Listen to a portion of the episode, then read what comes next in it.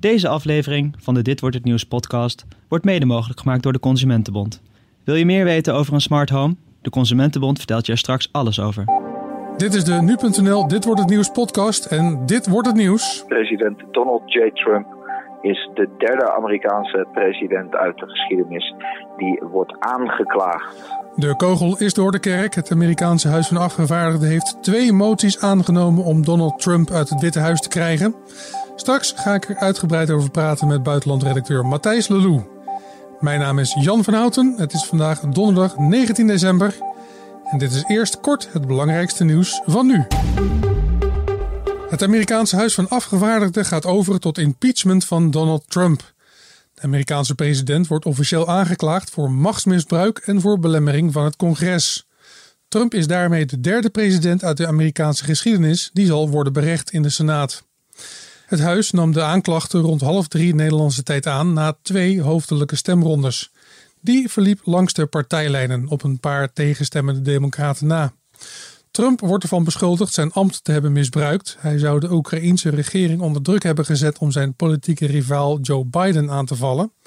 De tweede beschuldiging draait om zijn weigering om mee te werken aan het afzettingsonderzoek in het congres. Trump gaf het Witte Huis opdracht dagvaardingen te negeren voor getuigen of documenten. Eerdere presidenten die met een rechtszaak in de Senaat te maken kregen waren Andrew Johnson in 1868 en Bill Clinton in 1998. Beide mannen werden vrijgesproken. Straks meer over dit onderwerp. Kunstobjecten uit de collectie van prinses Juliana zijn gebruikt om de erfbelasting van haar nalatenschap te betalen. Dat blijkt uit onderzoek van het programma Zembla. Prinses Juliana overleed in 2004 en de erfbelasting is door de koninklijke familie deels betaald met de inboedel van Paleis Soesdijk. De familie maakt gebruik van een kwijtscheldingsregel in de successiewet. Een voorwaarde was wel dat die kunstobjecten in musea te zien zouden zijn, maar dat blijkt niet altijd het geval. Een 17e-eeuws penschilderij van Willem van der Velde de Oude is inmiddels een eigendom van de staat, maar hangt in het werkkantoor van de koning op Paleis op de Dam in Amsterdam, niet toegankelijk voor bezoekers. Het schilderij heeft een waarde van om en nabij de 2,5 miljoen euro.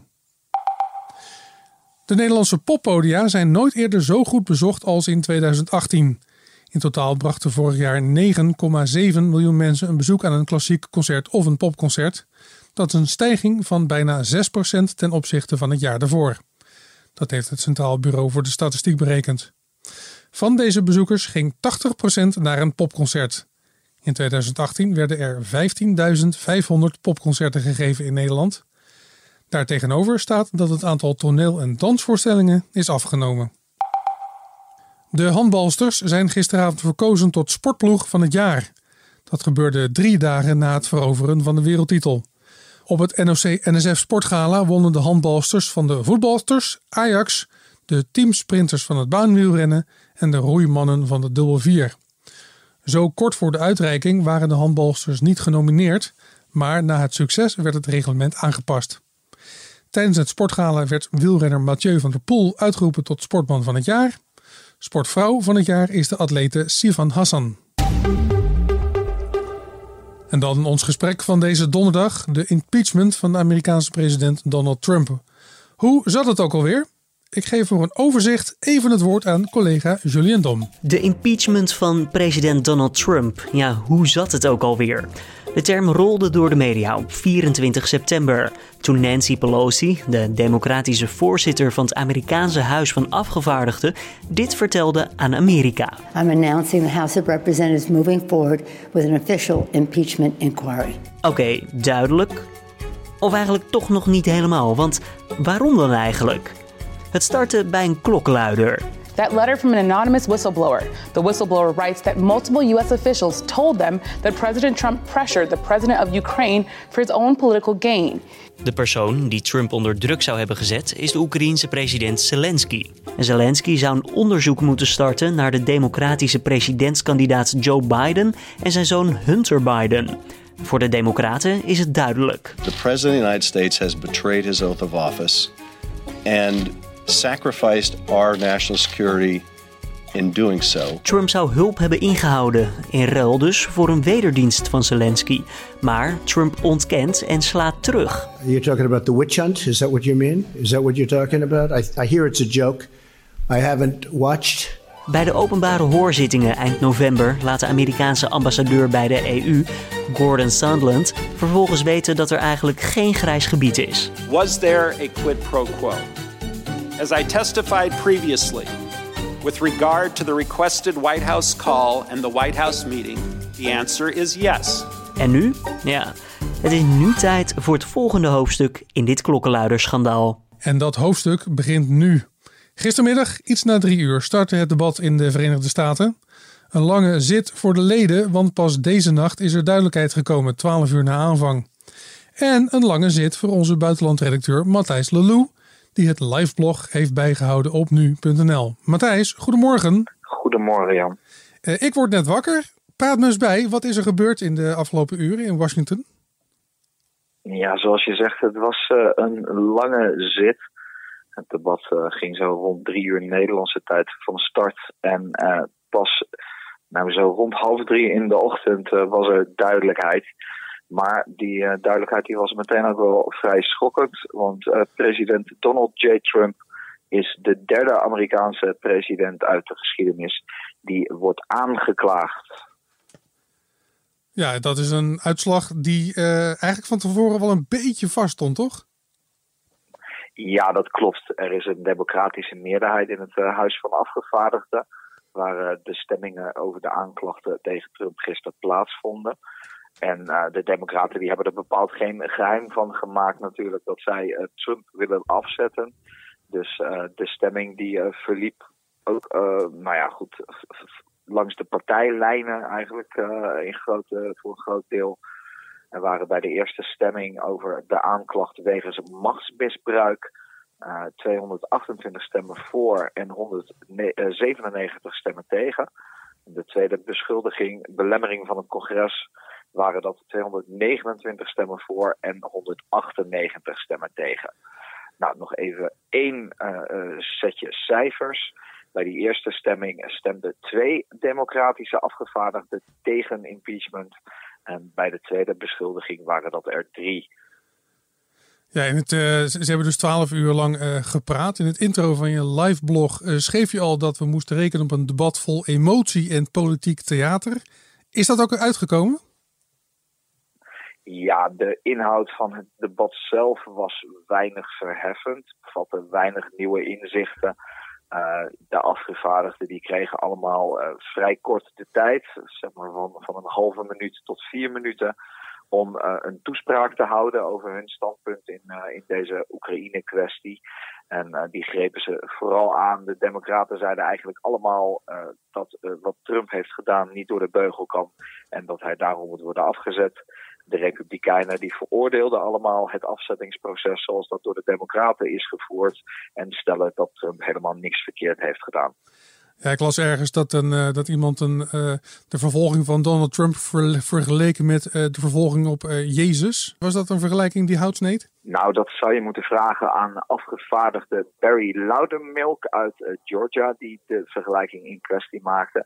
Hij zei dat Pontius Pilatus Jezus tijdens het showproces tegen hem meer rechten gunde dan dat Trump van de Democraten heeft gekregen. Before you take this historic vote today, one week before Christmas, I want you to keep this in mind. When Jesus was falsely accused of treason, Pontius Pilate gave Jesus the opportunity to face his accusers. During that sham trial, Pontius Pilate afforded more rights to Jesus than the Democrats have afforded this president in this process. Ja, dat is uh, subtiel. En uh, ja, het, het, hield niet echt over met de subtiliteit volgens mij. Hè? Het ging van dik hout uh, soms van beide kanten uit.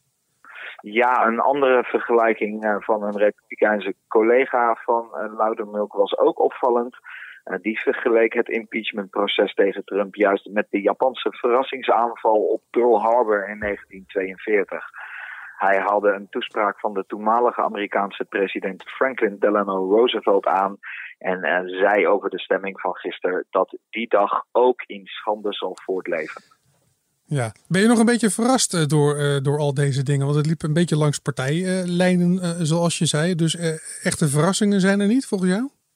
Nee, nee, die waren, die waren er bepaald niet.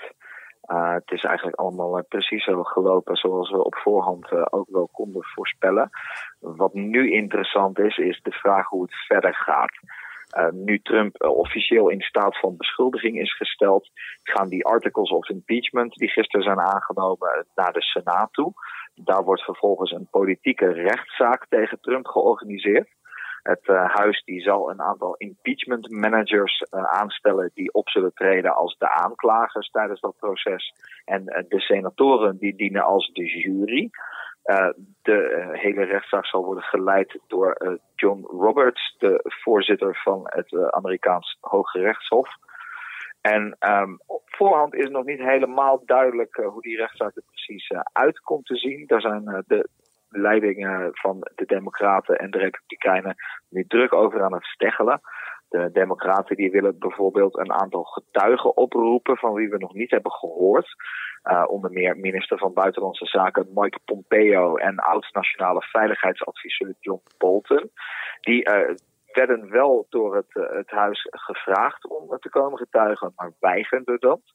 Uh, dus uh, Chuck Schumer, de democratische voorzitter in, het, uh, in de Senaat, die zegt van nou, willen we nu graag van ze horen. Maar Mitch McConnell, die de republikeinse meerderheid in de Senaat leidt, die zegt al dat het huis die, die dat hele impeachment-onderzoek zo slordig heeft uitgevoerd, dat het niet de taak van de Senaat is om dat nog een keertje over te doen. Ja, dat gaat allemaal in eh, januari spelen. Is de kans op een echte impeachment groter geworden hiermee, denk je? Of denk je dat de Republikeinen in de Senaat het snel met een hamerklap zullen wegstemmen? Nou, de naald is niet echt verschoven met het aannemen van deze articles of impeachment. De politieke verhoudingen die, zijn nog steeds wat ze zijn. Dus de kans dat Trump uiteindelijk wordt afgezet is zeer, zeer klein. Um, ja, we hebben ook tot nu toe alleen maar uh, eensgezindheid gezien eigenlijk bij de Republikeinse Partij. Die blijven allemaal als één man achter Trump staan. wat wel interessant wordt, is, is de vraag die je net stelt. Hè. Gaan de Republikeinen dit heel snel door de Senaat heen jassen, zodat het zo snel mogelijk klaar is? Dat, daar neigen ze natuurlijk wel een beetje naar. En, en die macht die hebben ze ook wel. Maar aan de andere kant zijn er ook republikeinse senatoren die uit wat kwetsbare districten komen, waar uh, toch ook wel veel democratische kiezers, mogelijke democratische kiezers wonen. En uh, die willen wel graag dat niet de indruk wordt gewekt dat het hier om een oneerlijk proces in het, in het voordeel van Trump zou gaan. Ja, Trump is nu de derde president in de geschiedenis die daadwerkelijk geïmpeached wordt. Heeft hij meegekeken, denk je, naar dit debat? Nou, we weten dat hij in ieder geval in het begin even heeft meegekeken. Gisterochtend, Amerikaanse tijd, verstuurde de president tientallen tweets, zowel zijn eigen tweets als retweets van zijn verdedigers. En daaruit bleek dat hij op dat moment naar zijn favoriete nieuwszender Fox aan het kijken was. Uh, gedurende de, de, dag kwamen er nog wat signalen dat uh, de president uh, hier en daar wel wat meekreeg van de ontwikkelingen. Maar de woordvoerder van het Witte Huis zei dat de president een volle werkdag had. En misschien alleen tussen vergaderingen door naar de gebeurtenissen in het huis kon kijken.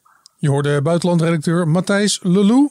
Voor meer informatie over de impeachmentprocedure verwijs ik je graag door naar de diverse artikelen op nu.nl. En voordat we verder gaan, onderbreek ik even deze podcast voor een bijdrage van de Consumentenbond. Je huis vol slimme apparaten die verbonden zijn met het internet. Ooit was het toekomstmuziek, nu volgen de ontwikkelingen elkaar in hoog tempo op. Aan tafel zit hier Ivo Verschoor van de Consumentenbond. Welkom. Ivo, ik hoor vaak de term smart home. Wat is dat precies? Ja, smart home, dat is uh, ja, een van de dingen die je hoort bij het Internet of Things. Um, en je hoort ook wel eens slimme apparaten. Nou, het, heeft, uh, het is niet helemaal hetzelfde, maar het heeft in ieder geval met elkaar gemeen dat het allemaal uh, een verbinding heeft met internet. En vaak kun je het ook bedienen met je smartphone. Dat heet dus slim, maar ja, wat slim is, dat moet je vooral zelf weten. waar het vooral om gaat, is dat het je leven makkelijker maakt en dat het dingen handiger maakt. Ik moet wel zeggen dat uh, daar komen wel wat dingen bij, zoals uh, internetveiligheid en uh, privacy en bijvoorbeeld levensduur. En dat zijn nog wel wat aandachtspunten. Is het voor fabrikanten niet heel moeilijk om producten te maken die met al deze aandachtspunten die je nu net noemt rekening houden? Nou, technisch kan het allemaal wel. Dus uh, je zou zeggen het is niet zo moeilijk. Maar in praktijk blijkt dat het uh, nou, toch niet altijd even goed gaat. Uh, het is ook zo dat een fabrikant heeft vaak wat andere belangen misschien dan een consument. Want ehm, eh, je kunt bijvoorbeeld allerlei data verzamelen. Dat kan goed zijn om het product te verbeteren. Maar je kunt die data misschien ook wel gebruiken om te verkopen bijvoorbeeld. En dat is natuurlijk niet wat je wilt als consument. En waar moet ik als consument dan op letten als ik overga tot de aanschaf van dit soort producten? Nou, uh, ik zou zeggen, bereid je een beetje voor. Uh, lees je, probeer je een beetje in te lezen. Want als je op dit punt al uh, ja, gewoon een paar dingen weet, dan kun je ook gewoon veel beter keuzes maken. Nou, nu doen jullie bij de Consumentenbond heel veel onderzoeken. op welke manier houden jullie je bezig met juist dit onderwerp, smart home? Nou, we hebben dit al een tijdje zien aankomen natuurlijk. En uh, bij uh, slimme apparaten, dan komt er een internetverbinding bij. En er zijn gewoon een aantal zaken waar we vast op letten. Bij uh, bijvoorbeeld veiligheid kijken we of een verbinding goed versleuteld is. Uh, en of je data inderdaad niet wordt gebruikt op een manier die je eigenlijk niet zou willen. En zo kunnen we een heel lijstje afwerken per product om te kijken of dat in orde is. En op die manier proberen we daar een soort stempel of een waarde aan te plakken. En waar kan ik terecht als ik meer wil weten over slimme apparaten in huis? Ja, nou kijk vooral goed rond op internet. En wij hebben natuurlijk uh, bij de Consumentenbond ook een paar mooie uh, dossiers. Uh, kijk op www.consumentenbond.nl slash smarthome. En we hebben ook een aantal dossiers die inmiddels wat, wat tests laten zien. Zoals slimme lampen, beveiligingscamera's, babyphones. En daar komen in de toekomst nog meer projecten bij. Oké, hartelijk dank Ivo. En dan nog even de agenda voor deze donderdag. In de rechtbank van Rotterdam hoort door voormalig verpleger Rashid A. zijn vonnis.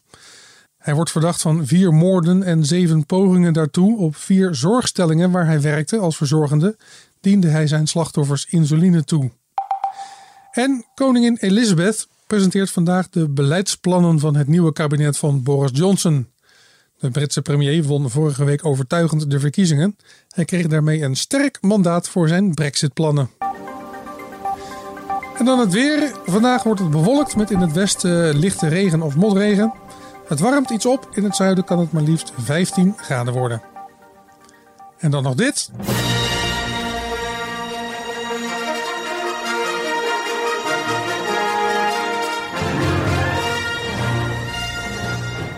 Mooie, meeslepende muziek van John Williams. Gisteren is in Nederland officieel het negende deel in de Star Wars saga in de bioscoop gaan draaien. The Rise of Skywalker heet de film. Vormt het slotstuk van de reeks die George Lucas in 1977 begon. Deze ochtend staat de recensie van de nieuwe Star Wars films in de diverse ochtendkranten. De Volkskrant geeft de film drie sterren. The Rise of Skywalker hecht de saga naar behoren af zij het met grote streken en veel overtreffende trap Force inzet, al dus de krant. Ook het Algemeen Dagblad geeft drie sterren. Er zijn voldoende kippenvelmomenten, maar ze komen niet voort uit originele vondsten, zegt de krant. Trouw geeft de film vier sterren. Er zit humor in de film die de intergalactische bombast af en toe fijn relativeert, al dus trouw over Star Wars. Ik heb de film gisteren gezien en ik moet zeggen, ik heb me prima vermaakt. Ik zeg ook, vel je eigen oordeel.